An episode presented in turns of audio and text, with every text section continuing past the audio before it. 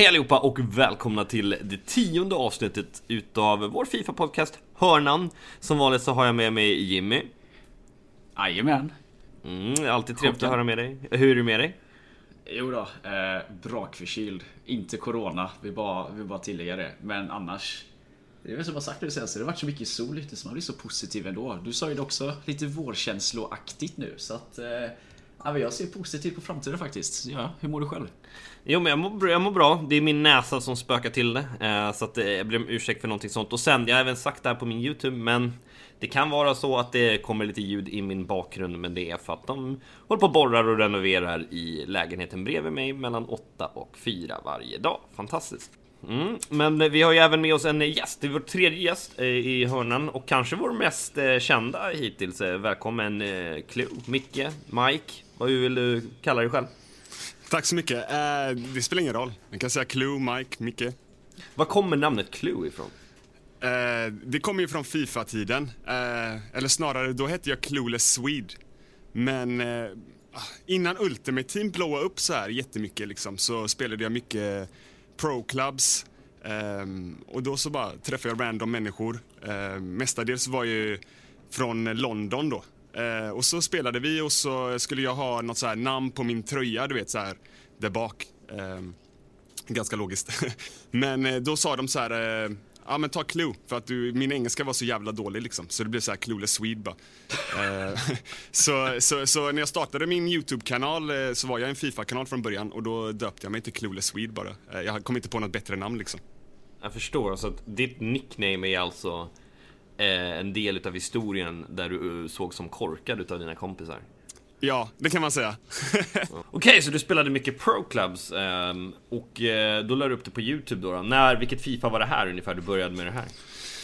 Oj, eh, vad kan det varit? Eh, Fifa 16 tror jag att, eh, att jag började som youtuber. Eh, men Pro Clubs-tiden var ju Fifa 14.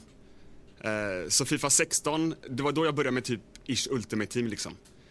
Mm, Okej, okay. kan, du, kan du berätta lite mer om dig själv då? Liksom, var är du ifrån? Liksom, eh, du behöver inte gå igenom hela din uppväxt liksom, i detalj, liksom, men lite var du kommer ifrån och hur ditt liv ser ut idag. Eh, jag kommer från Göteborg. Eh, eller jag är född i Varberg, men när jag var sex år så flyttade jag till Göteborg.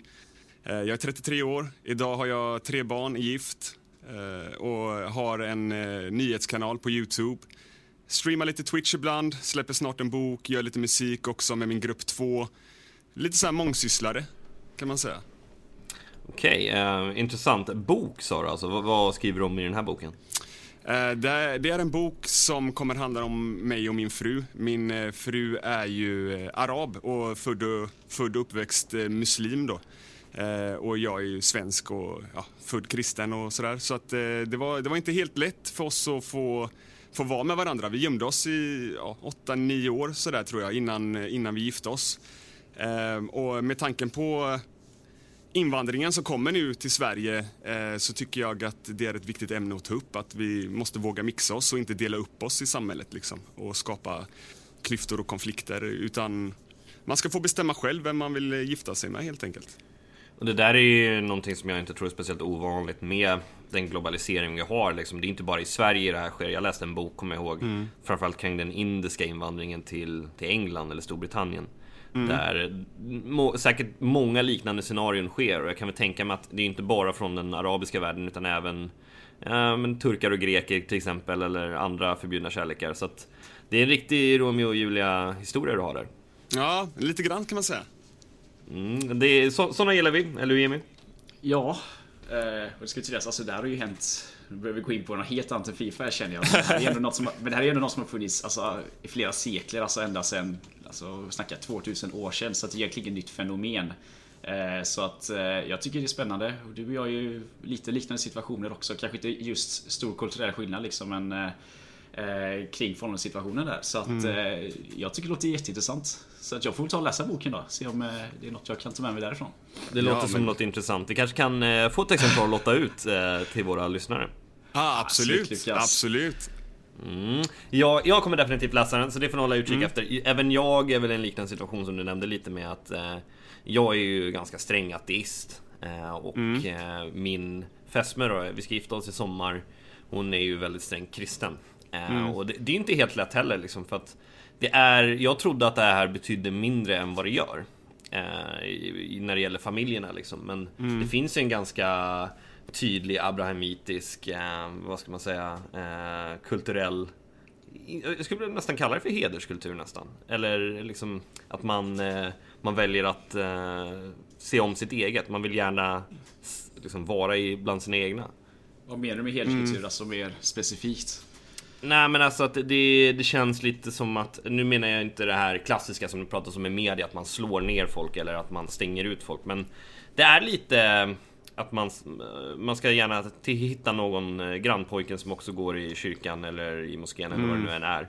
Eh, och eh, man ska vara med den och, den och gör man inte det så, så skäms man lite kanske som släkt. Hur känner du att ditt bemötande är från hennes familj? Alltså känner du motstånd där eller är det liksom bara en uppfattning du har att det borde vara så?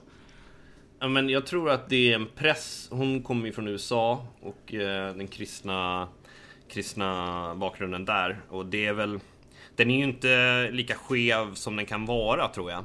Men jag tror ju definitivt att hon har känt eh, pressen, eller fått förväntningen i alla fall, att eh, hitta någon som eh, kommer från samma bakgrund. Du tror inte det är samtidigt någonting som är spännande att du inte är från samma bakgrund då? Alltså jag har ju den teorin liksom att man söker sig till människor som är Alltså någonstans likasinnade men ändå helt olika. Tror du inte att det är liksom någonstans där nu gör, du skillnad, nu gör du skillnad på attraktion och på um, hur släkten ser på det ändå. Jaha, du tänker så. Ja, jo, där, där har du en poäng. Ja. Men det är lite det jag menar liksom. Jag tänker just från eh, din eh, blivande fästmös situation. Hur hon ser på det. Det är möjligt att hon ser det så, det får väl hon svara på. Eh, tror jag. Hon, uppenbarligen så har inte hon ett problem med det. Eh, Nej. Det är bästa svaret jag kunde ge. Jag insåg själv hur jävla dum i fråga var, så att jag godkänner Nej, men jag tror också det är, jag tror också det är den här, eh, som du säger där, kontrasten av att man tror eh, att det ska vara på ett visst sätt. Och det är det jag menar också med min bok och varför jag vill släppa boken, att jag tror att det är väldigt många, till exempel nu då muslimska kvinnor, som kanske känner att eh, nej men jag får inte vara ihop med en svensk eller jag får inte vara ihop med en kristen. Alltså att, att de redan har blockat den känslan själv utan att ens ha frågat sina föräldrar. Är ni med vad jag menar? För att samhället är bara uppbyggt så att liksom vi håller oss... Det är så självklart. Det är så självklart. Ja, exakt. Jag har ju, jag har ju exempel på, på en vän som var ihop med en bosnisk eh, muslim. Och de var ihop i jättemånga år men sen så gjorde de slut på grund av rädsla. Eh, alltså tjejen gjorde slut. Men sen så visade det sig nu så här tio år senare när hon har eh, pratat med sina föräldrar. De bara, vad, vad hände med han eh, killen du var ihop med? De bara, vad visste du om det? Liksom så här, ja ja. Och så då märkte de att så här, ja, men det här var, jag hade ju säkert fått den här killen. Så då har hon liksom ångrat sig i efterhand. Varför, gick, varför samlade jag inte mod och gick upp och berättade liksom?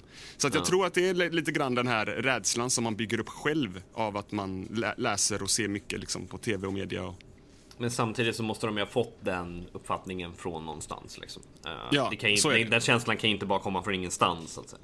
Nej, exakt. Men hur känner du att det fungerar idag då?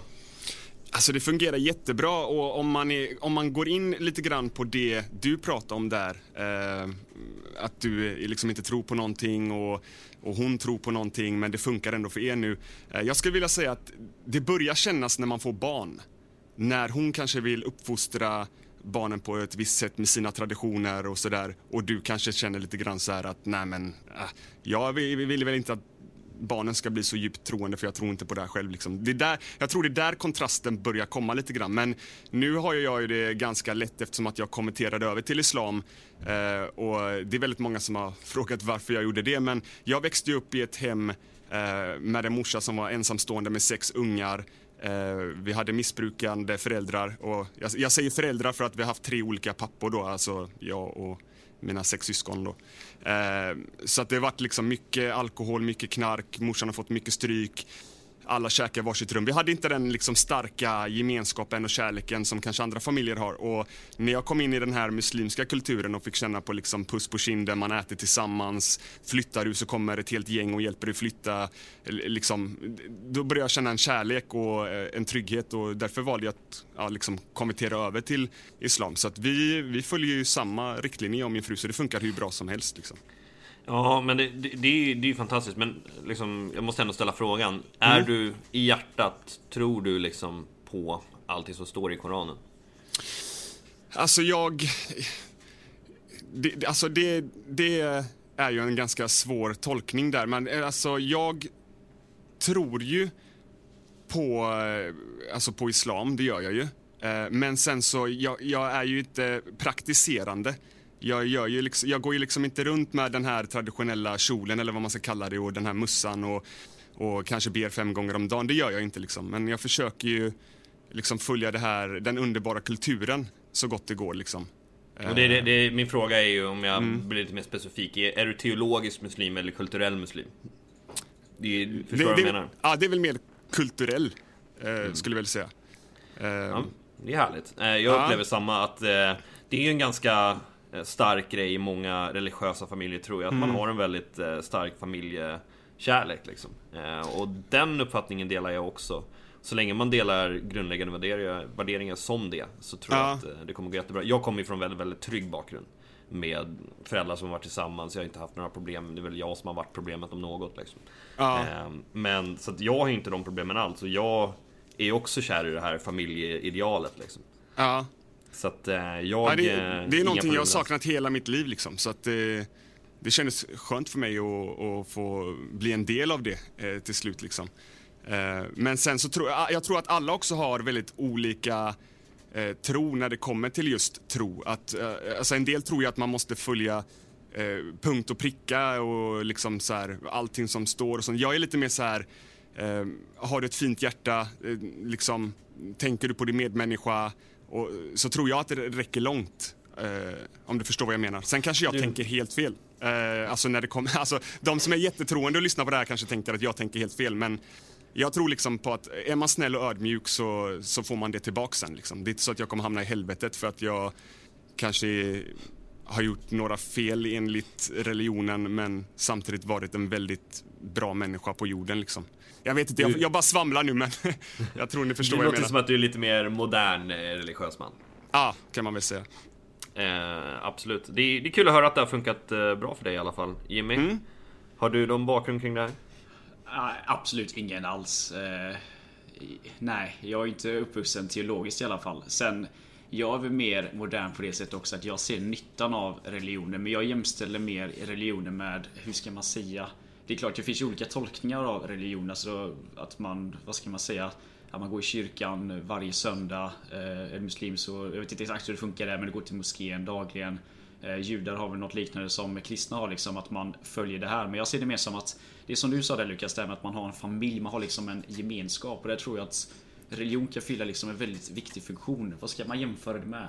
Men det, men det, blir liksom mer traditionellt liksom att... Jag skulle vilja jämföra med ett fotbollslag och vara fotbollssupporter på många sätt. Att man är en ja, del fast jag, jag, jag benämner det under ett annat namn för jag tänker att fotbollslag, alltså det hör inne i, i samma kategori liksom. Att man, man tar hand om varandra liksom. Tänk typ som nu coronakrisen liksom, där många kommer förlora jobb och sånt där. Då tror jag liksom att tillhör du ett sånt här samhälle, då du får mycket mer stöd än om du inte skulle tillhöra ett sånt samhälle. Det är liksom folk som hjälper dig. Eh, tror du sa väl det att du hade snackat lite med någon pastor liksom och Även om ni inte tror på samma sak så kände du ändå att det var ett givande samtal att ni kunde diskutera saker och ändå ha typ samma grund liksom.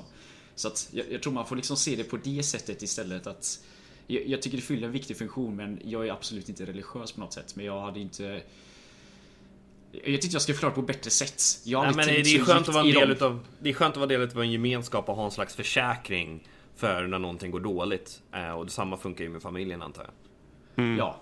Ja men precis, alltså familjära värden. Jag skulle säga det att det, det är liksom som en kärnfamilj liksom, fast kanske modell större då liksom. Att du, du går i kyrkan, du tillhör din församling eller du tillhör ett fotbollslag eller du tillhör ett företag. Företag kan ju vara samma sak liksom. Företagskulturer finns ju liksom och bra företag har ju liksom liknande att man står upp för varandra, man tror på samma saker, man har kärnvärden och sånt där liksom. Och allt det här har ju sitt ursprung i religionen från början. Om vi tänker typ lagar, moral, etik liksom. Det kommer ju någonstans ifrån liksom, sen har det utvecklats på olika sätt.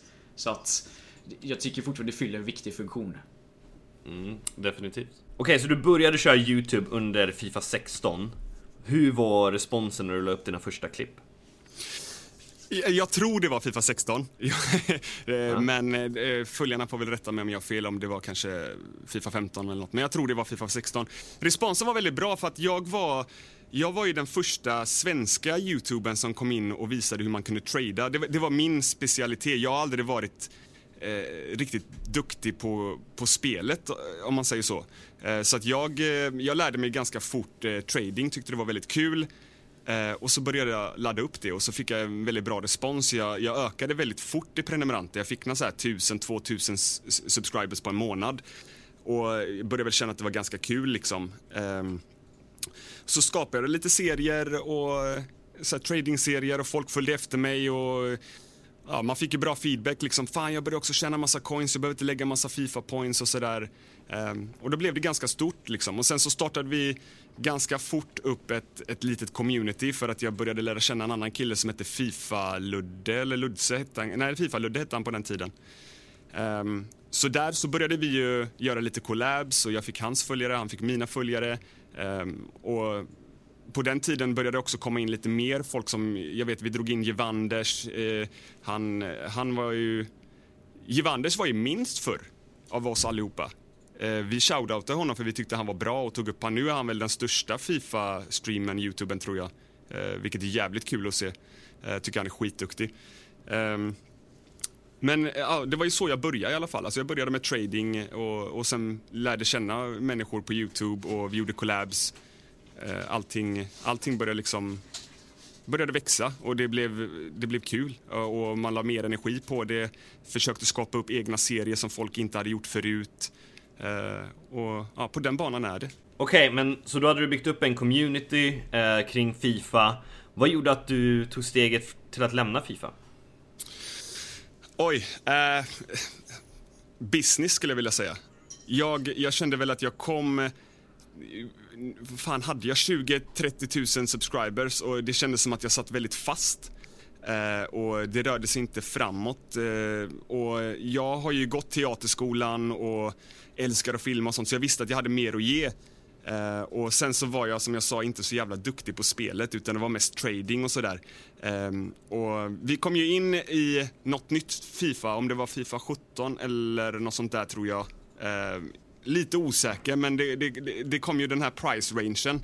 Vilket gjorde det också väldigt mycket svårare att trada och jag, jag, alltså jag, jag var trött på Fifa. Jag har alltid varit trött på Fifa. Jag har alltid hatat alla jävla Fifa-spelen. de har alltid varit så jävla, ja, men de har alltid varit så jävla broken men, eh, men jag gjorde ju ett levebröd på, på Fifa liksom. Och Eh, jag, jag, jag, ville liksom swifta över. Jag vet att Ben Mitkus var ganska ny i gamet och började växa mycket på sina eh, humorsketcher och sånt där. Så jag ville prova det liksom. Eh, så jag började testa det lite grann och sen så bestämde jag mig att så här, fan jag kan inte göra Fifa och sketcher på kanalen för då får jag två delade läger eh, när det kommer till följarskara. Så då blir det att du sitter med en kanal med 50k subs. Eh, 10 000 av dem kollar på mina Fifa-klipp medan 40 kollar på sketcher. Du, du, delar upp publiken och då blir det till slut att du sitter på en kanal med väldigt hög eh, siffra liksom, eh, prenumeranter. Men inte lika mycket eh, views. Eh, och då bestämde jag mig för att nej, men jag, jag lämnar Fifa och jag gjorde en video och berättade om det och sa att jag vill testa någonting nytt helt enkelt. Och... Hur togs det här emot? Ja, det var ju väldigt, eh, alltså det var ju väldigt många som blev berörda av det för att jag, alltså jag vågar väl säga att jag var lite grann hjärtat i communityt på den tiden. Jag stod för väldigt mycket idéer, eh, även fast jag inte var den bästa Fifa-spelaren. Men jag visste på något sätt hur man skulle kunna få views liksom, med mina olika serier. Jag gjorde även Fifa-låtar som än idag spelas väldigt bra. Eh, så det var ju väldigt många som tyckte det var skittråkigt att jag drog. Eh, sen så, communityt kanske inte tyckte det var eh, lika tråkigt. jag var ju inte så jävla omtyckt där i communityt på slutet tror jag. Eh, Varför det? Nej men alltså jag har ju alltid varit väldigt impulsiv och eh, liksom lite bossig av mig. Eh, och det kom väl lite grann till ett stadie där där folk började få lite självförtroende. Jag vet att jag hade lite, lite småtjafs med Frolle och, och Givanders. Um, och Vad handlade det här om? Nej men jag vet inte riktigt. Jag tror, jag tror att det var så att, eh, alltså, jag stod för väldigt många idéer. Ehm, och, De gjorde inte det. Jo, det- var ju det som, det, det var ju det som var att jag började, ja, man säger så här då, om vi tar det från början, jag stod för ganska mycket idéer och vi gjorde de här serierna tillsammans, collabsen liksom. Eh, och sen så började väl Jonkan och de ehm, få egna idéer och sakta men säkert så börjar väl de i communityt kanske börja gå lite mer åt Jonkans håll och eh, jag vet inte, det gillade väl inte jag riktigt. Jag gillade Vad väl att var- vara, vad var skillnaden jag gillade väl att vara liksom? bossen liksom. Vad, vad är skillnaden? Eh, hur tänker Mellan vad de gjorde och vad du ville göra liksom? Nej, alltså, det var egentligen ingen stor skillnad utan det var väl mer bara att jag inte fick vara den som bestämde och, och liksom... Ja, jag vet inte, jag, i min värld så tänkte jag alltid så här. Det jag tänker eh, att vi ska göra kommer få oss alla att växa jättemycket på, på Youtube. Eh, och när jag inte kände att jag fick den responsen att de riktigt förstod det så blev jag lite, jag blev lite småirriterad och jag är väldigt impulsiv. Jag vet inte om jag har någon ADHD eller någonting men jag, jag, jag lackar ut ganska fort. Eh, Det känner väl de till som kollar på Youtube liksom. Eh, och sen så, eh, ja, jag vet inte, så jag hamnade i lite småbråk också med, med Dalen. Jag kommer fan inte ihåg vad det bråket handlade om, men det var väl efter det bråket som egentligen eh, det splittrades lite så här. Frolle tog avstånd från mig och jag har väl roastat Frolle förut också. Eh, Hur är din Och- relation med Jonkan och Frolle idag? Jag har ingen relation alls med Frolle. Jag tror inte Frolle tycker om mig för fem öre. Eh, däremot Jonkan har jag väl en ganska bra relation med. Det är inte så att vi hänger privat sådär, men vi tjötar lite gott ibland. Liksom, han kan hjälpa mig med, eh, med min eh, Twitch-stream och lite så här nya layouts och, och sånt där. Eh, så jag, jag skulle säga att jag och Jonkan har en ganska bra relation, i alla fall arbetsmässigt om man säger så. Men nej, Frolle, Frolle har, jag, har jag ingen kontakt med alls. Okej, vad tycker du om allt det här dramat Jimmy? Ja, det här är i princip helt nytt för mig eftersom jag kom in i eh, allt med Youtube och Fifa-scenen precis efter. Men det är, det är väl kul att det har hänt lite saker tänker jag. Är- Alltså gre grejen är på den här tiden Alltså jag och Jimmy vi kommer ju från en liksom competitive scen Den var väldigt, väldigt liten och det skulle, jag skulle aldrig få en tanke på att gå in och kolla på en YouTube-video när någon spelar FIFA liksom För jag, Nej. jag på den tiden tyckte att de där är ju bara löjliga liksom De är fjantar liksom som håller på med YouTube eh, Och liksom, de är dåliga på spelet, varför skulle någon vilja kolla på någon som är dålig på spelet liksom? Eh, så där, liksom därifrån kom vi eh, Fifa 13, 14 Framförallt var jag otroligt jävla bra på I den här perioden, jag skulle säga mellan Fifa 13 och 17 Så var jag otroligt bra på spelet eh, Alltså verkligen bland de främsta i världen och Men var Youtube verkligen stort i början på det här tidsspelet? Nej, det är det det inte var. Och jag har ju en liten historia där faktiskt. Från när vi tävlade på Fifa 17 på DreamHack. Jag vet inte om jag dragit den här tidigare i podden, men Clue har väl inte hört den antar jag kanske. Jag har hört alla era avsnitt. Eh, Ja, okej. podden. Nej, men då kanske ni har hört Jag den. Men jag känner kan dra den inte igen. den här historien i alla fall så du får gärna dra den. Ja, men det var ju ett sånt här stort kval till Paris-tävlingen. Jag visste ju att jag skulle komma kvala in för att jag, jag, skulle, jag visste att jag skulle komma tvåa monthly i Weekend League. Alltså he, på hela månaden. Jag visste att om jag... Så länge jag inte förlorar fem utav de sista tio matcherna här så kommer jag kvala in eh, i Weekend League liksom. Ehm, men jag åkte ändå dit till Jönköping och så skulle man kvala in eh, till dagen efter där alla de här proffs, proffsen åkte ju dit. De som inte hade presterat så bra i Weekend League. Så det kom ju folk från Frankrike, Manika vann det här till exempel från Frankrike. Kom ju till och med Ufenok och Josik från Ukraina och Ryssland och kom till Jönköping för DreamHack. för att kvala här. Ja, det var helt absurt. Och ehm, alla danskar var där och sådär. Men under den här kvalturneringen så går jag runt lite där och så stannar en kille upp mig eh, min caps och lite, lite längre hår, liksom lite ofixat sådär. Och bara, ja men tjena.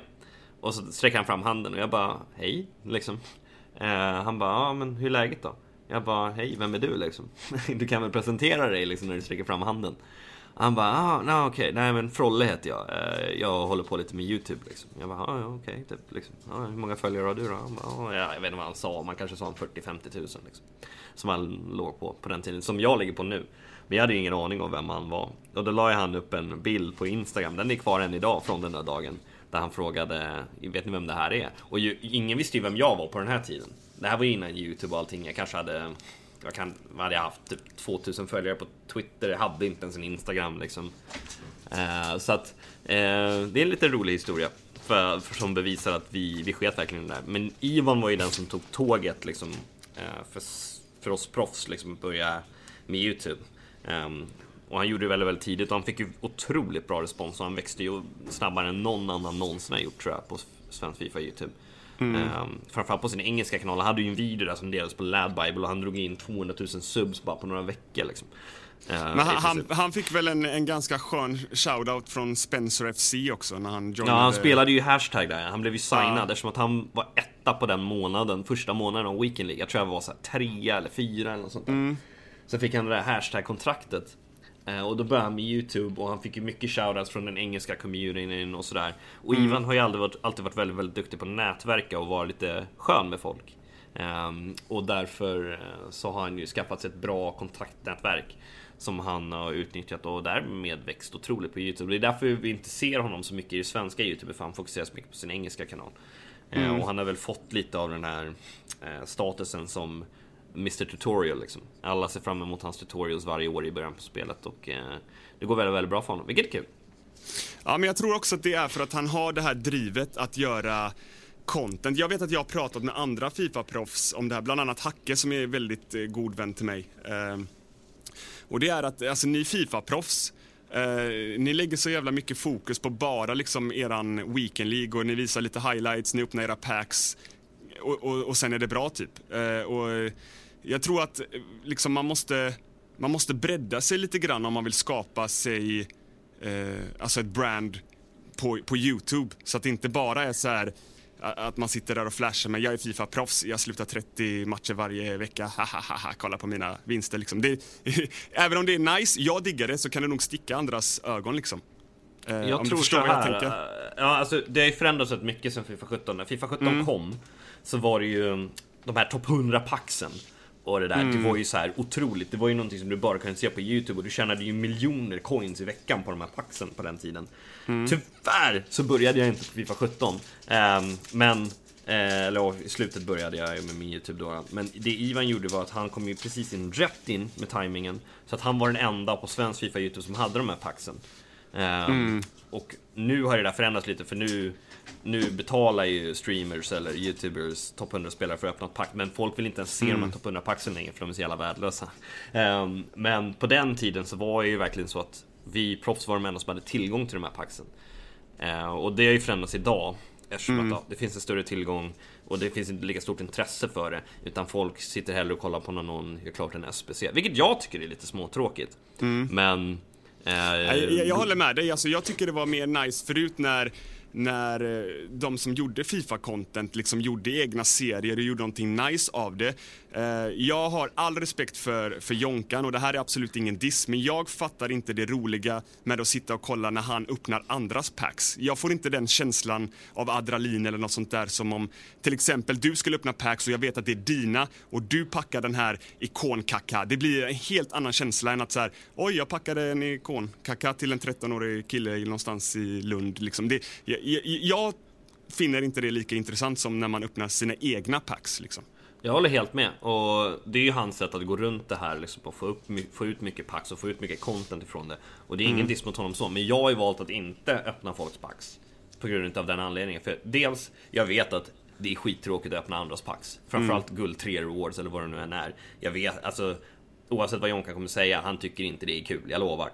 Mm. För det andra, eh, det, det är trash content att sitta och öppna folks packs. Det, mm. alltså, det finns ingen, precis som du säger, det finns ingen genuinitet i det. Det är ingen... Vad är det som gör det intressant? Alltså, det måste ju vara på något sätt det du själv som syns på en stor stream eller något. För jag har tänkt på det själv liksom att Speciellt vi som är proffs har öppnat så jäkla mycket paket. Alltså även om du packar mm. något bra så sitter du där helt känslokallt bara ja, det, det, det, var ju bra. Som du som packar typ 3 Mbappé.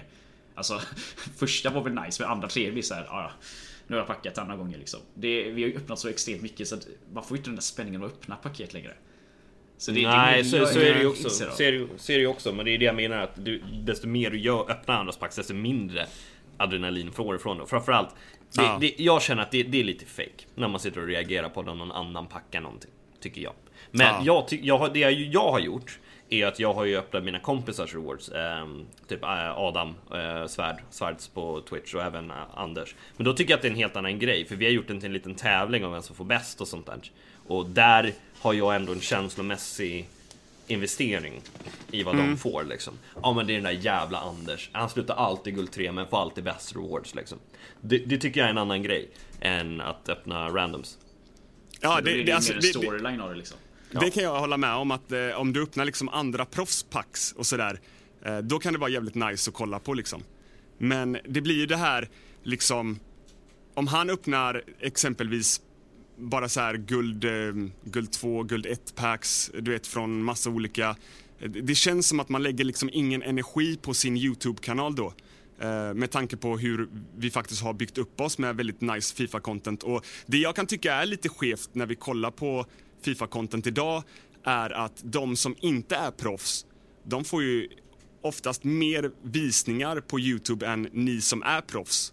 Och då tänker jag, alltså de som älskar Fifa borde väl hellre vilja följa ett Fifa-proffs och följa den resan än att följa någon som bara sitter och gör, ja men som ni säger, någon SPC eller någonting som inte ens kan spela spelet i stort sett. Typ som jag. Ja men alltså är du lite skön, alltså då Absolut att man kan kolla på någon som inte är ett proffs. Jag, jag ser Mm. verkligen absolut att man kan kolla på någon som inte är ett proffs. Typ Ossard är ett bra exempel på det. Jag tycker Ossard är jätterolig. Men... Ja, han ehm, är sjukt rolig alltså. Men man behöver ju inte välja heller. Man kan ju kolla på båda. Men Mm. det, det tar ju tid att bygga upp en YouTube-kanal som du säger också. Ivan laddar inte upp längre. Så den som är störst på proffsscenen just nu på YouTube i Sverige, det är jag. Mm. Eh, och Olle är väl precis bara någon procent bakom eh, just nu. Men jag ligger ändå bara på 43 000 subs. Bakom er två då. Mm. Ja, bakom oss två så är det ju ingen. Det finns ju ingen. Nej. Vad Det skulle finns- du säga Clue då? Alltså om, om du får önska något som borde finnas på Fifa YouTube som inte finns nu.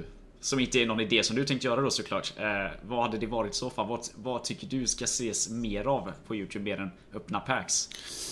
Nej men alltså jag tycker ju att ni som är Fifa-proffs gör ett väldigt bra jobb. Jag förstår ju att ni spelar mycket och det finns inte mycket tid kanske till att eh, alltså, utveckla ert content på det sättet. Så att jag tycker att det är nice med highlights från Fifa-proffs. Det tycker jag är fett nice. Jag kollar själv på det, liksom highlights eh, och sen hur det gick i eran Weekly League Eh, och också eh, få kolla på era rewards och sånt. Sen så tycker jag att man kan bredda det om man har tid liksom att göra, ja, men göra någon, någon nice serie, kanske ta in eh, liksom följarna så att de kanske kan vinna priser och sånt. Jag vet att jag hade ju det, en serie som gick jävligt bra som hette Högt eller lågt där jag öppnade packs och så bjöd man in en person och så fick han liksom chansa, om jag fick ett, ett 82-rated kort så fick han chansa, kommer jag, nästa pack, den som poppar upp på skärmen, kommer den vara över 82 eller under 82? Hade han 10 rätt i rad så vann han typ eh, 1000 kronor, alltså 12k Fifa points och sånt där. Och det var en väldigt uppskattad serie. Men eh, jag säger inte att ni behöver göra såna serier, men att ni vågar liksom våga göra content av, eh, av Fifa som inte bara är så här gameplay och öppna packs utan våga göra någonting nice. Här, typ, vem vill bli miljonär? Kan man, kan man göra det i någon form av Fifa-version liksom? Eller du vet så här. Jag håller helt med där. Alltså Jeopardy hade varit skitkul. Fifa Jeopardy. Ja men typ så. Fi- eller Fifa-quiz eller whatever liksom. Tre pers kommer in, de får lite sköna Fifa-frågor om e-allsvenskan eller någonting. Det skapar också större intresse att man vill plugga på. Eh, och sen lite sköna priser och sånt där. Eh, vå- Jag håller helt med. Det är skulle bra säga idé. vå- våga investera tillbaks i era följare. Våga liksom så här, ni tjänar ändå pengar på views och eh, och liksom ni får ett följe, då kan ni också få pengar för samarbeten och collabs. Våga investera tillbaka liksom i, i följarna. Det kommer ni växa Mm. mer på. Jag fick precis en idé. Jag vill nog göra sånt här Jeopardy. Men jag håller nog med dig. Jag tycker att vi... vi det, det finns några saker som jag tycker att vi är dåliga på i Fifa Sverige. Eh, det, vi är dåliga på collaba. Alldeles för få collabs. Och de collabs som har gjorts, de är rätt trötta. Alltså, för det som har hänt, bakgrunden är ju att um, det här Tropse-gänget då, då, eller 154 som de nu kallar sig. De har ju varit rätt stängda sen tidigare. De har ju inte velat liksom pro- collaba med någon annan för de, de har bara velat liksom vara för sig själva liksom. Så vi är dåliga på det och det sitter väl fortfarande kvar i kulturen tror jag. Men även vi Fifa-proffs, jag håller lite, vi har gjort en del collabs. Men vi borde göra mycket, mycket mer. Ehm, för andra, vi är nog inte tillräckligt kreativa för att hitta på roliga grejer. Det kommer någon trött liksom så här, eh, vad fan heter det, Squad Builder Showdown som är en kopia på vad AJ3 gör i, i England liksom. Ehm, men det är väldigt lite kreativt och där, där får jag väl också ta på mig själv liksom, att där måste vi bli bättre. Alltså jag tror problemet är att det liksom delas upp i två läger. Eh, Det vet jag diskuterade med andra också. Att det är antingen att du är så kallad proffsspelare och det är att du, du fokuserar på dina resultat, du showar dina resultat, du visar dina rewards. Och sen finns det de som är rena content creators. Och det är så få som liksom bryggat det här och kunna göra någonting ihop. Det känns ju som att det är du och Olle egentligen som har gjort detta. Liksom att ni gör andra grejer som du, du sitter ju, du spelar ju knappt på dina streams, du sitter ju och bygger lag liksom och det blir ju lite mer interaktivt på ett sätt. Jag vet att Olle har haft mycket sånt också. Men många av oss som streamar på Twitch exempelvis, vi sitter ju och nötar Rivals typ liksom. Och jag menar, visst det är kul att kolla på men det, det finns så många som du kan sitta och kolla på och spelet ser likadant ut. Det blir liksom inget interaktivt i det. Jag känner ju själv, när jag inte sitter och spelar då får jag bra många fler tittare än jag faktiskt sitter och spelar. För att jag är som alla andra, det ser så jävla tråkigt ut. Så jag tror det är någonstans där det är att man måste tänka om lite och inte bara vara det ena eller det andra utan försöka gå in någonstans i mitten. Kanske svårt för content creators att bara bestämma sig för nu ska jag bli proffsspelare då. Men speciellt för oss som tävlar att vi någonstans även ser värdet i att vara en content creator. Så jag tror vi måste brygga det gapet. Och jag tror det är därför det är så stort gap mellan dig Olle och den som du kommer nästa. Jag vet inte ens vem det är om jag ska vara helt ärlig. Alltså jag kan inte ens tänka på vem det skulle vara. Det är Hacke men han... Ja, men jag skulle säga det, det är väl Hacke i så fall, men jag vet inte exakt långt efter. Men han ligger ju på typ 4-5 tusen subs och laddar upp en gång i kvartalet. Liksom. Mm. Jo, ja, men lite så har det varit liksom. Och det, så att det blir ett... Det är så stort gap däremellan och då blir det... Alltså det, det, är mycket man kan göra där. Medan på Twitch är vi hur många svenskar som helst som streamar nu liksom. Och det blir fler och fler som faktiskt kollar kanalerna. Men Twitch har ju inga siffror i jämförelse med vad ni har på YouTube. Så att jag tror man behöver gå lite från Twitch till YouTube. Vad är det som gör att, vi har ju pratat lite här med Skolde tidigare, vad tror du Clue gör är att anledningen till att inte fler proffs, liksom, framförallt nu med E-allsvenskan som var så hypad, framförallt under Fifa 19, det var så många som tittade. Vad gör att proffs inte tar tag i det här och bygger ett varumärke kring det?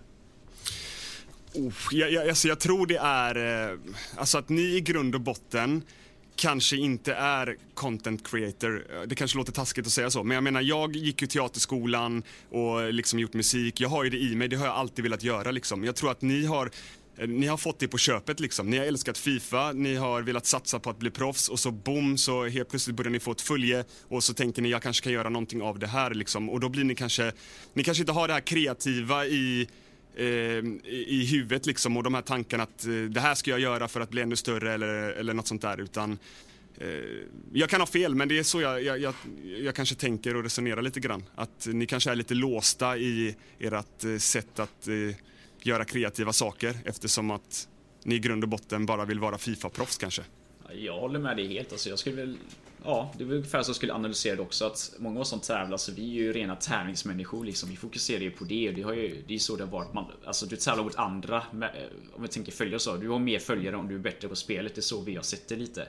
Jag vet själv mm. när jag ändå jobbat som säljare i två år liksom att jag börjar märka hur jag är mycket bättre med människor och då blir det liksom, mm. då ser man det mycket lättare och du ser de som sitter och streamar så här liksom att alla är inte sådär superinteraktiva. Många är duktiga på spelet men de har inte den här mm jag vill inte säga personligheten för att jag tror inte man är antingen det ena eller det andra utan det är något som växer fram liksom. Men om man kollar på det exempelvis Lukas, du, mm. du borde få den här karisman du, alltså, du håller igång en hel stream utan att spela egentligen. Det är inte alla som har den förmågan, det är något som växer fram. Eh, det, det ja, men det ska ju sägas att jag var ju inte så när jag började streama heller. Nej. du har alltid varit en tjötig narcissistisk jävel men nu har du vänt det till din fördel då? jag, tror, jag, jag, jag, tror att man måste ha någonting eget också. Om man tänker så här, vi pratade mycket om att folk öppnar packs och det är Weekend League. Det är ju det som är det mest heta i, i Fifa nu liksom. Eh, och då är det så att alla liksom gör, säg att ni är en 10-20 styckna kreatörer som gör Fifa i Sverige. Alla lägger upp samma content. Och det är det jag försöker mena, tänk outside the box lite och, och göra någonting nytt som ingen annan har gjort. Och det jag tänker på er som är Fifa-proffs, att det är aldrig, det har jag sagt till Hacke också, det, det, är liksom, det som skiljer er från de andra kreatörerna är att ni faktiskt är Fifa-proffs. Och det är ingenting som ni liksom sitter och trycker på era videos, det borde ni göra mer liksom så här, Ja, men få dem att förstå att jag är proffs. Liksom. Jag spelar i AIK, jag slåss om miljoner varje år. Liksom. Det, jag är proffs. Liksom. Och sen att man har en egen stil och det tycker jag Eh, Lukas, du har ju en väldigt egen stil. Nu, jag vill inte att det här ska låta negativt på något sätt, men du har ju liksom den här lite jargongen av att du är liksom en besserwisser, jag kan allt, jag är bäst. Eh, du är väldigt lugn i dina videos, du utstrålar inte den här liksom all in your face liksom. Vilket skiljer dig mot många andra. Jag tror också därför du har fått ett ganska stort eh, följe. För att du är lite egen av dig liksom. Det tror jag också, men jag tror också samtidigt att det begränsar mig. Jag har sagt i en video att jag vet att jag aldrig kommer bli störst på Fifa YouTube. För att det är för lätt att ogilla mig. Förstår du vad jag menar? Men det, det, det, det är det som är det som får dig att växa. När du har en delad publik där folk eh, ogillar dig och, eh, och eh, hatar dig. Liksom. För jag, jag är likadan som människa. Man kan bara älska eller hata mig. Det finns inget mitt emellan. Liksom. Men jag brukar alltid tänka så här.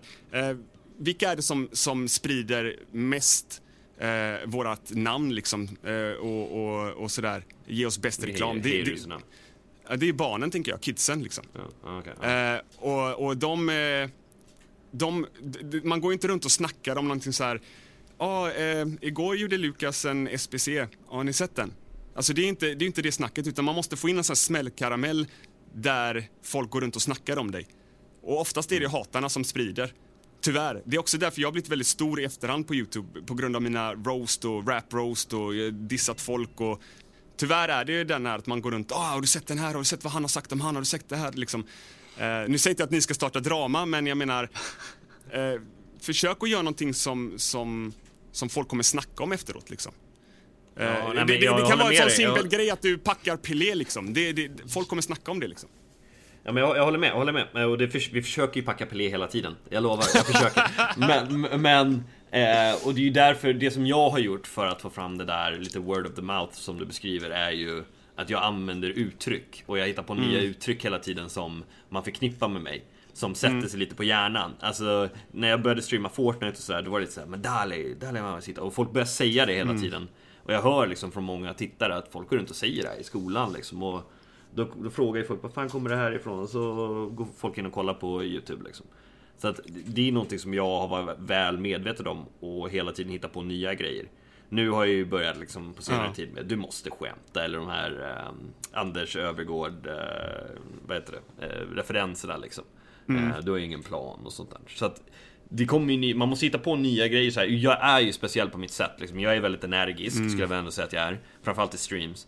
Och eh, det gäller ju liksom att ha sin egen stil och jag har ju inga problem med det liksom. Eh, gillar du inte mig, titta inte på mig då. Men det, det har också varit en grej senaste veckan liksom att eh, det finns ju några i communityt som är rätt besatta utav mig.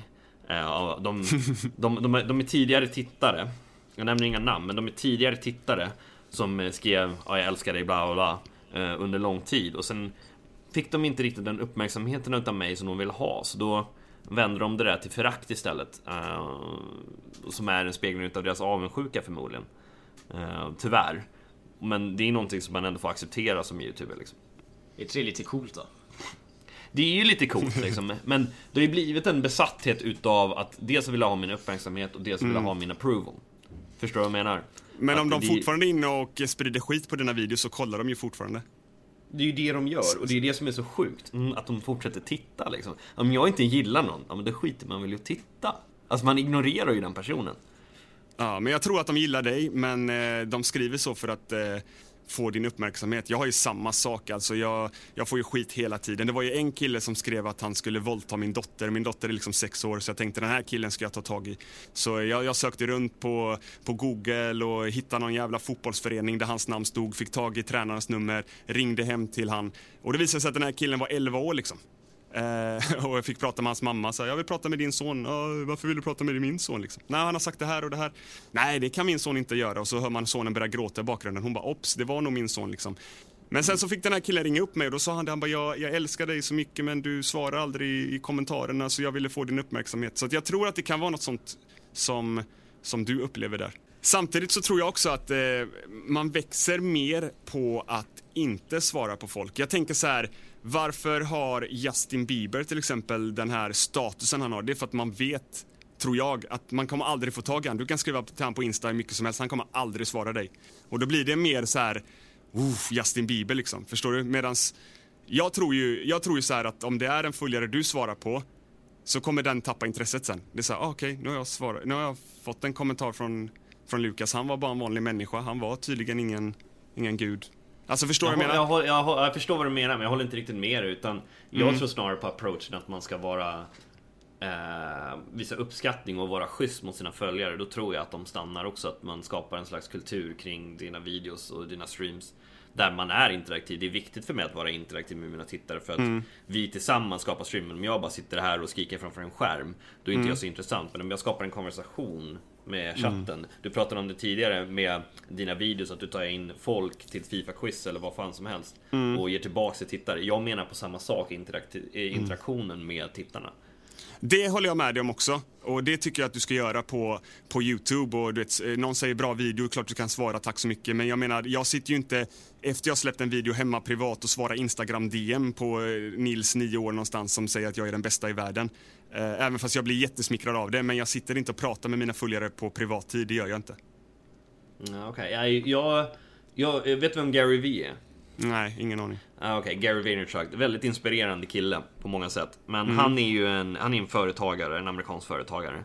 Som pratar mycket om det här med brandbuilding liksom, och hur man bygger upp eh, sånt. Och han, han är väldigt eh, genuin på många sätt. Men han snackar ju mycket om det att eh, det är väldigt viktigt att svara på så mycket som möjligt. Eh, för det är så du får fler interaktioner i framtiden. Om, om du skriver så här, och inte bara så här, tack eller någonting, man, man kan skriva någonting lite mer personligt. Bara att använda någons namn eller vad som helst. Så här simpla saker. Om Nils, 9 år, går in och kommenterar någonting på min video. Och då kan man säga så här, tack Nils, vad kul att du tittar, jag hoppas att se dig i framtiden. Det tar fem sekunder att skriva det här. Och det ger så mycket tillbaks för just Nils. Ja, det det, det, håller jag med dig om eh, till 100%. Och ännu en gång, kommentarerna under YouTube-klippet tycker jag absolut man kan... Ja, men jag håller med dig till och- Instagram DMs också. Aha, Eh, nej, ja, nej, jag gillar inte att sitta där Men om de Insta och kommenterar på din post. Ja, det är en annan sak. Mm. Men jag gillar, jag gillar inte att sitta privat bara så här på min fritid och, och svara på folk. Jag, eh, på Instagram DMs liksom. Och sen så är det, jag har ju ändå liksom på Youtube över 200 000 människor och jag blir, man blir, alltså jag har lärt mig det här, man blir sjuk i huvudet av att sitta och läsa de här eh, olika DMs som man får liksom. För ena är så här, åh du är den bästa i hela världen och jag älskar dig på Youtube och så kommer du till nästa bara så här, "Ja, när jag ser dig på stan så ska jag döda dig din jävla... Alltså det är så mycket, det är så mycket intryck som man suger in Vem som... skriver så till någon? Vem tar sig tiden att skriva någonting sånt? Jag förstår inte. Nej, men de gör ju det. Och det, och det blir för mycket intryck. Förstår du? Det blir så här, det, det är för håller mycket för en människa att ta emot så mycket olika komplimanger och samtidigt hat. Det blir väldigt så här mycket bipolaritet liksom över det hela. och enda ja. sättet att svara på allt det är i så fall att copy-paste och då blir det ändå opersonligt. Så det, jag håller ju med. Det är det är bättre att bara låta det vara liksom. Sen förstår jag det du säger också Lukas. Man ska ju interagera så mycket som möjligt. Men det kan bli liksom lite mytomspunnet kring om du inte skulle svara på exakt allting. Tänk du Gordon Ramsay. Jag tycker hans Twitter är fantastiskt. Där man typ kan skicka maträtt liksom.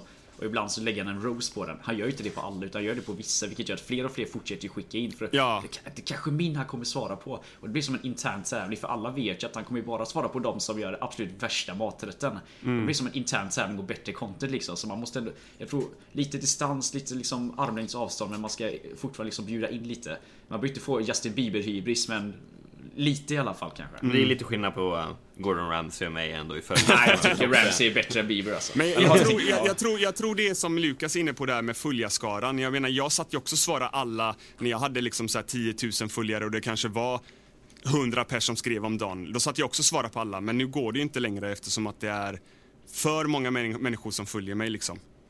Nej, jag Så, förstår. Jag, så, jag så det går inte. Jimmy då? Du, du har ju varit med hela min resa från att när jag startade för ja, snart tre år sedan. Ja, det var ju direkt Eh. efter du vann Nordic Champion väl egentligen. Ja, nej, jag började väl helhjärtat eh, i maj 2017. Och en av mina första videos där var ju att jag slutade topp 100 med bara svenska spelare. Fortfarande helt sjukt, min mest sedda video. Men ehm, du har ju varit med kring hela resan liksom. Är, hur känner du kring YouTube i framtiden? Liksom? Men är det för min del eller hur För din del, för din del liksom. Du som har sett liksom, hur mycket tid ändå jag har lagt ner på det. Liksom. Eh, ja, jag vet inte. Alltså tiden är egentligen inte det som är problemet. Utan problemet för mig är väl snarare att det som Clue snackar om att det är så, det är så ointressant content just nu och jag, jag hittar inte motivation att göra någonting bättre utav det liksom. Jag tänker, jag använder ju mina streams som någon typ av crash test liksom att se vad kan man göra men jag, jag, man hittar liksom ingen kul, ingen inspiration utan varför vi hamnar i att alla gör samma videos är för det känns som att det är så stängt på Fifa. Det är svårt att göra någonting nytt liksom. Och jag är ju sån att om jag ska gå in och göra YouTube exempelvis så ska det vara någonting som är helt unikt. Det jag gillar med typ Ivans videos är att han gör ju något som är helt unikt. För han gör liksom videos som vet du det där han, ja men det är tutorials liksom. Och det finns många som gör tutorials men alla andra svävar ju iväg och de tappar ju liksom den röda tråden. Ivan har ju skalat bort och gjort det så himla enkelt. Jag hade ju lätt kunnat tänka mig att göra något sånt där men då ska du göra det snyggt. Du ska Eh, vet du det, ha en bra idé och göra det liksom. Så att det enda jag hade kunnat göra egentligen, men det sitter och klippa och klistra och göra lite eh, mål från Weekly och sånt där. Men då känner jag att då har inte jag lagt ner tiden. Då är jag som alla andra. Varför skulle någon kolla på mig om inte jag själv hade kollat på mig liksom? Mm, Det var lite dåligt. Eh, känner du att du saknar en kompetens liksom, i klippning när det gäller Det sånt? tar, vad fan, det tar väl en dag att lära sig. Utan det är mer att... eh, nej men alltså, nej, jag, skämt åsido. Det är, men det är mer att sitta och spela och komma på vad är det jag ska göra. Jag tror inte klippning är själva problemet utan du ska ju ändå ha Helst några timmars gameplay och så ska du veta okej okay, det här var bra, det här var mindre bra såna här grejer liksom. Och sen ska du göra någonting intressant utav det. Och jag menar Weekly, det är ganska lätt liksom att antingen ta de snyggaste målen du gör eller ta de tajtaste matcherna du spelar eller något sånt där liksom. Jag känner att det, det, är inget intressant. Jag är inte bäst i världen. Det enda sättet någon skulle kolla på mig är om jag skulle lägga in roliga kommentarer. Men då kan jag ha precis vad som helst i bakgrunden liksom. Men det är det, det, är det jag alltid gillat med dig Emil. Jag tycker att du är en av de roligaste jag känner. Och du, du har ju, vi snackade lite om det igår. Du har ju lite den här Marcus Berggren-vibben. Så ja. jag tror att den Det var jag själv som sa den dock. Nej men jag, tyck, jag, tycker, jag, jag tycker verkligen att du har det. Så jag tror att det skulle vara väldigt uppskattat. Jag tror, jag tror inte många skulle förstå det, men de som gör det mm. skulle nog uppskatta det väldigt mycket. Alltså, jag, tror, jag tror att jag hade blivit populär på det sättet att jag tycker att nästan alla som håller på med YouTube idag, Fifa-mässigt, alltså inriktar sig mot samma publik. Om man kollar mm. Clue exempelvis. Jag tycker din kanal är så jävla kul just för att det blir liksom mini-rose men inte på det sättet att du kanske klubbar ner någon. Jag tänker inte mm. nämna andra YouTubers men vissa går ju verkligen all in och smackar ner folk när de ska dissa någon. Utan det här blir intressant och det är så mycket tempo och sånt i det liksom. Jag vet inte om det finns någon annan som gör samma grej som du gör Clue. Inte vad, jag, inte, inte vad jag känner till. De närmaste är väl i så fall typ Hydraverse och sånt där. Fast de gör ju inte nyheter. Eh, Nej, och då, det är kanske, de går ju all in verkligen. Alltså de, ah. när, när, de, när de roastar någon, då, då är det ju egentligen inbjudan till att starta ett krig liksom. Jag har inte fått den vibben när du gör det. Nej, alltså jag har ju växt ifrån det. Jag var ju sån förut. Uh, nu så här, mm. jag, jag, levererar mina nyheter med satir och humor. Uh, och sen så absolut, vissa skämt kan ibland slå fel och folk blir sårade. Och, men jag brukar vara väldigt snabb på pucken och be om ursäkt till den personen i så fall. Och skulle de vilja att jag plockar ner videon så brukar jag oftast göra det också. Eh, och, men jag tror att de flesta i communityt, eh, de, alltså de känner mig nu och de blir inte så sura längre. Så jag kan ju, alltså jag kan ju säga någon, något galet om Joakim Lundell och, och han kan ju liksom skratta nu liksom privat eh, och tycka att han, han fattar mig nu liksom. Jag har varit med i gamet länge och de fattar att det är min humor och det är så jag levererar mina nyheter liksom. Eh, så att, eh, jag tycker att jag har fått en bättre förståelse eh, på senare dagar. Hur Vem är det med, alltså, tar andra youtubers illa upp och så? Eller alltså hur, hur är klimatet? Eller för, börjar folk ha glimten i ögat? Förstår de att det här liksom... Ja, är, alltså det är, det, är, det är verkligen liksom. inte, det är verkligen inte youtubers som oftast tar illa vid sig, utan det är deras följare liksom. Uh, så, så det är väl mest det som jag får ta emot. Eh, jag minns eh, min senaste, eller näst senaste nyhet där jag gjorde eh, nyheten om Anis Don Demina och bråket mellan Verse och Anjo och de här. Eh, då är ju så här, folk skriver till mig, hur fan kan du backa Anis? Och några skriver liksom, eh, ja tvärtom liksom. hur kan du hoppa på Anis? Man bara, what the fuck, jag gör ingenting av det. Jag bara återberättar vad det är som händer på vårt community. Så det, jag, jag, jag, tror inte att eh, det är så många youtubers. Det är om jag drar ett skämt ibland som, som jag säger som slår fel liksom och vissa, vissa eh, kanske inte har samma typ av humor som jag har liksom. Det, är väl, ja, det är väl det som är problemet. Men det, det känns som att de flesta borde ha glimten i ögat. Det, det är det jag gillar mm. med det. Ja, men jag tror att Sverige inte är så beredda på... Eller Sverige är inte ett land som gillar edgy content liksom. Det är så här, jag, jag, alltså jag skulle säga mig själv, alltså jag, jag skulle vilja vara Tänk dig TV4-reporter fast det är Magnus Bettner som, som, som berättar nyheterna. Liksom. Det, det, är typ så den kombon jag försöker vara på något sätt. Att det ska vara lite roligt. Eh, se mig som en stand-up-komiker då, eller vad fan du vill. Liksom. Att jag, är, jag är lite i ditt face och sådär. Men det är för att det ska bli roligt och underhållande liksom. Precis. Okej, okay, då har vi alltså pratat en hel del om Youtube, eh, lite om Fifa-bakgrund och sånt där. Vi har ju EL-svenskan, men det finns ju en klubb som vi saknar en hel del och det är ju såklart IFK Göteborg som är en sovande jätte i fotbollen, men som eh, inte har tagit steget än in i EL-svenskan. Varför tror du att det är så, Klubb? Eh, alltså jag tror ju bara att de är väldigt... Eh, hur ska jag förklara? De är, de är inte så insatta i elsvenskan och eh, det är ganska nytt för dem tror jag och det har nog inte varit någon som har liksom försökt eh, prata om dem och få dem att förstå hur viktigt elsvenskan är just nu och att alla hoppar på och sånt där.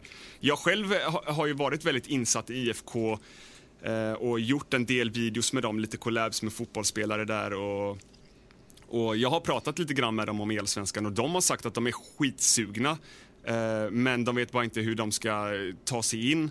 Eh, de sa till mig att de hade pratat med en viss eh, person som är insatt i allsvenskan som, eh, som sa att de skulle vänta ett, ytterligare ett år då för att säsongen redan hade dratt igång och sådär. Och nu när den nya säsongen drog igång så är de fortfarande inte med, vilket jag tycker är väldigt konstigt.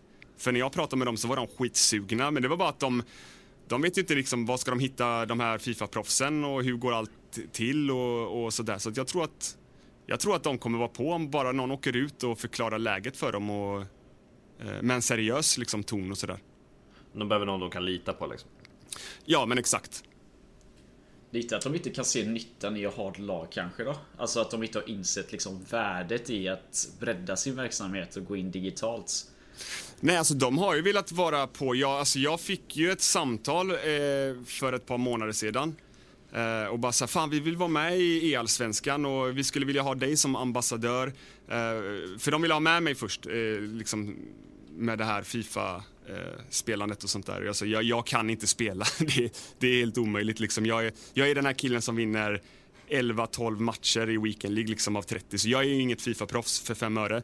Men de sa, men vi hade velat ha dig som ambassadör då, liksom att du är ansiktet utåt. Eh, lite grann som ni har i AIK. Ni har ju en tjej där i AIK. Har vi? Eh, jag för mig att ni hade det. Eh, vad, vad hette hon? Jo, eh, jag är projektledare. Vi har mm. ju eh, Josefin Kahle som ambassadör. Just av, det. av flera skäl. Eh, dels är det ju för att få in fler tjejer i Fifa. Vi är den enda klubben som har en tjej eller en kvinnlig spelare. Eh, men såklart även för att marknadsföra. Hon är ju grym. Hon är ju en genuin aik också, Josefin. Ja, och jag är ju en genuin blåvittare. Och det hade funkat perfekt för mig att bara få vara med och marknadsföra liksom. Bara för att liksom klubben ska växa och sådär. Så de var ju sten på. Men okej, okay, jag kan droppa det här då. Fan, skitsamma, jag droppar det här i, i, i hörnan så blir det exklusivt. De sa att de har haft lite snack med Frolle. Men, eh, och att det har varit då Frolle som lite grann har segat processen. Inte med vilja, men därför att han, han har väl haft andra uppdrag som gjort att han inte riktigt får hoppa in Eh, om det var för att han var kommentator på den tiden eller om det är för att han är landslags, eh, har någonting med landslaget att göra. Det vet jag inte, men det har varit den kommunikationen som inte riktigt har klaffat då. Eh, så att de har väl egentligen byggt upp sitt förtroende på Frolle och att eventuellt då Frolle ska komma in som någon coach och fixa lite proffsspelare till dem. Men så har den, det har blivit någonting fel med den kommunikationen helt enkelt mellan Blåvitt och Frolle. Ja, det, det är ju olämpligt på flera sätt. Dels så är han ju landslagsrepresentant. Mm. Och det är väl min åsikt att är du i landslaget så ska du inte ha några klubbassociationer mm. överhuvudtaget. Um, så det är väl det som är problemet. Sen har jag även varit expertkommentator förra året.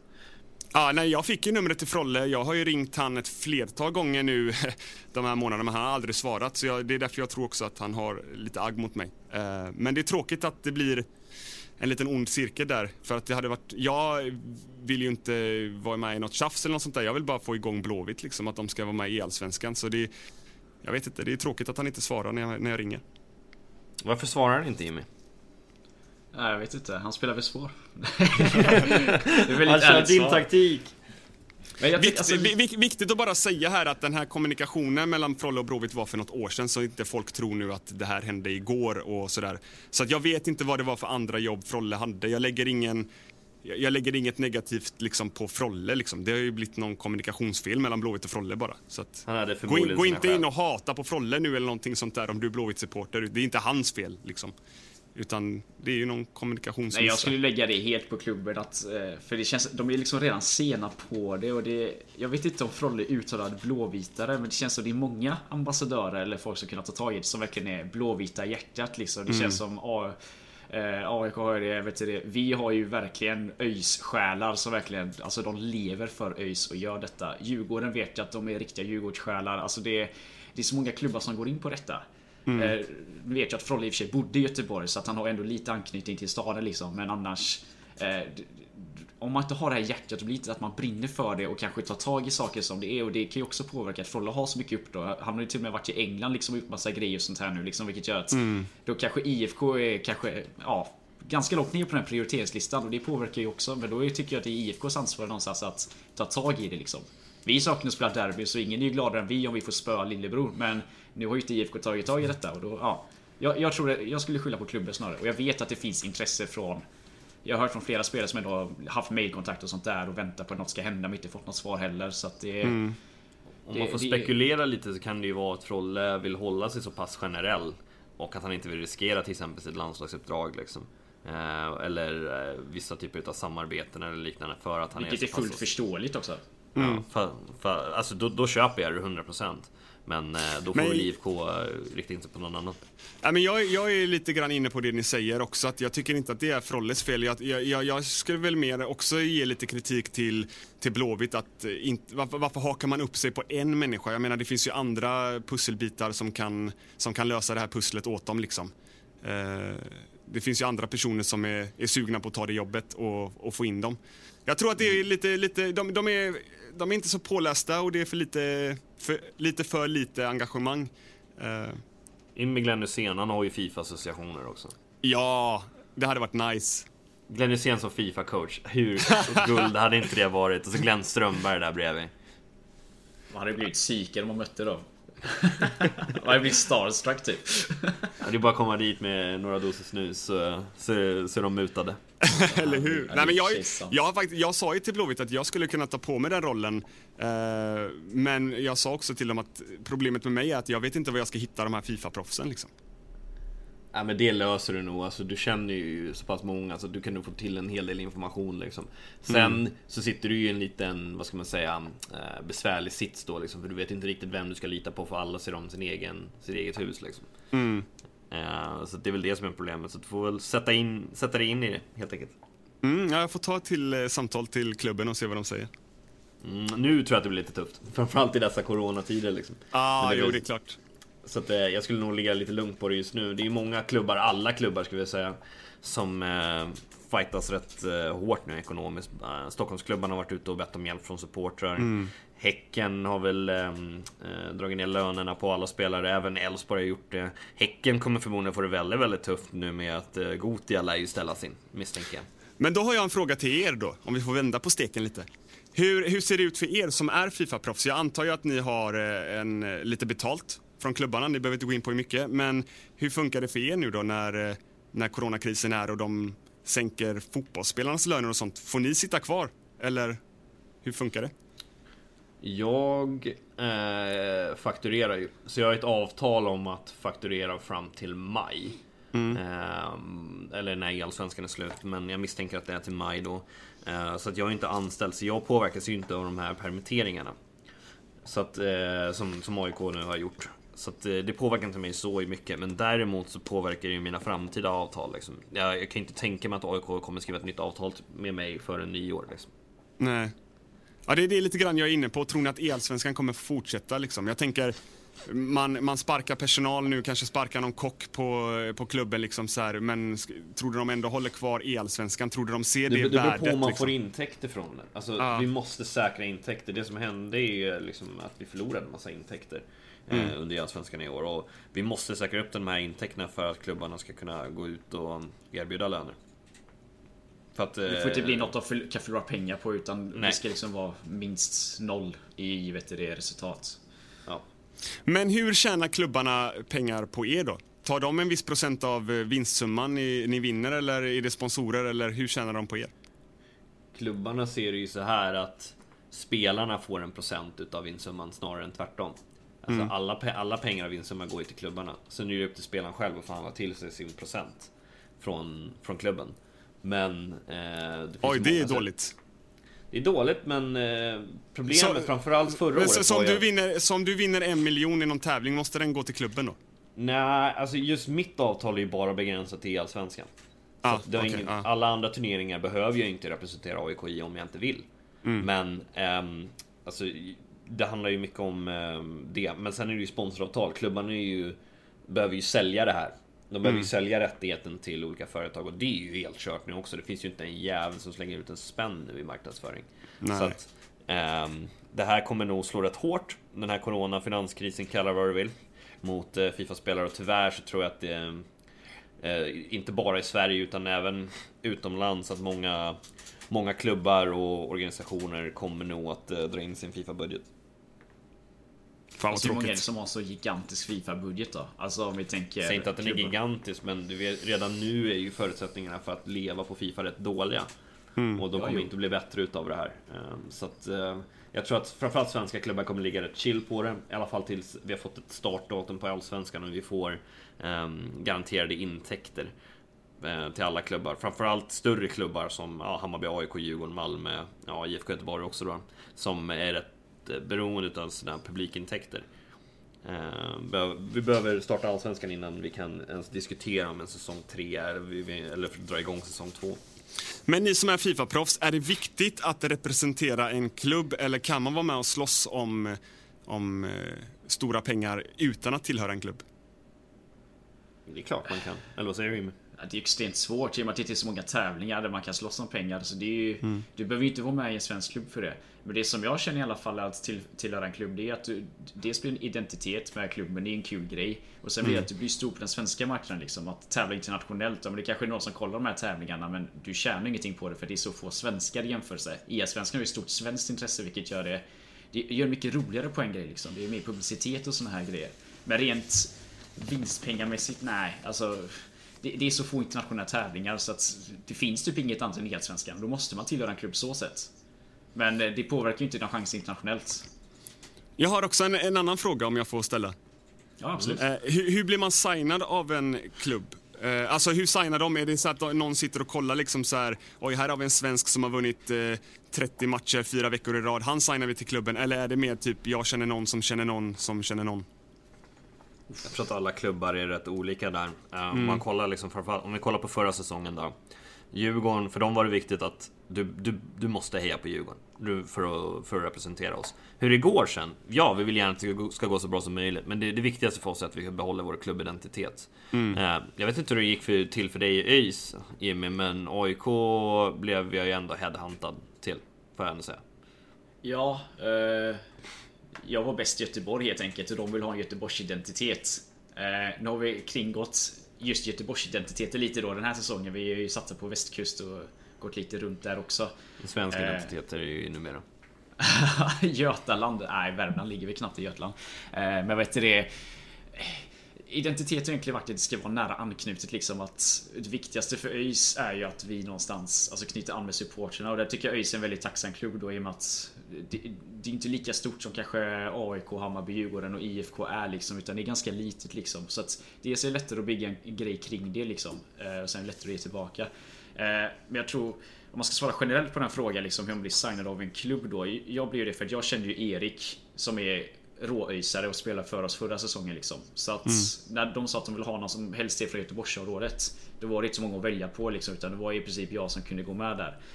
Eh, De flesta klubbarna, det är ju det, det är klart det finns ju vissa som jobbar med EA-svenskan som alltså hjälper klubbarna som har koll på typ VL-resultat och sånt där. Men jag får frågan väldigt ofta och det jag brukar säga är att alltså, skapa sociala medier, alltså Twitter och sånt där liksom. Eh, posta dina resultat för då vet, då vet eh, klubbar sen innan då att ja, men du kanske har ett visst minimiresultat, du har en viss miniminivå. Då, alltså du är intressant. Men framförallt häng mycket i streams, alltså gå in på Twitch, gå in på YouTube. Eh, skriv lite i chattarna, alltså folk, du blir igenkänd på ett annat sätt. Jag vet jättemånga som skriver i mina chattar, jag börjar ju ändå känna till dem här nu, jag ser dem i andra eh, chattar också liksom. Så dels får de publicitet om de streamar själva och dels så får de liksom mer synlighet på Twitter och såna här grejer liksom. Och presterar de då bra, ja men då då vet ju liksom vi i communityt vilka det är. Och när då klubbarna går in liksom så är det lättare för dem att hitta och sondera terrängen också för de kollar ju oftast med Ja men typ eh, Givanders eller Frolle liksom. För de vet att de är störst på Fifa och frågar dem vart borde jag kolla och då kommer de säga men kolla Twitter, kolla den här killen, kolla den här killen. Så det handlar om att synas egentligen.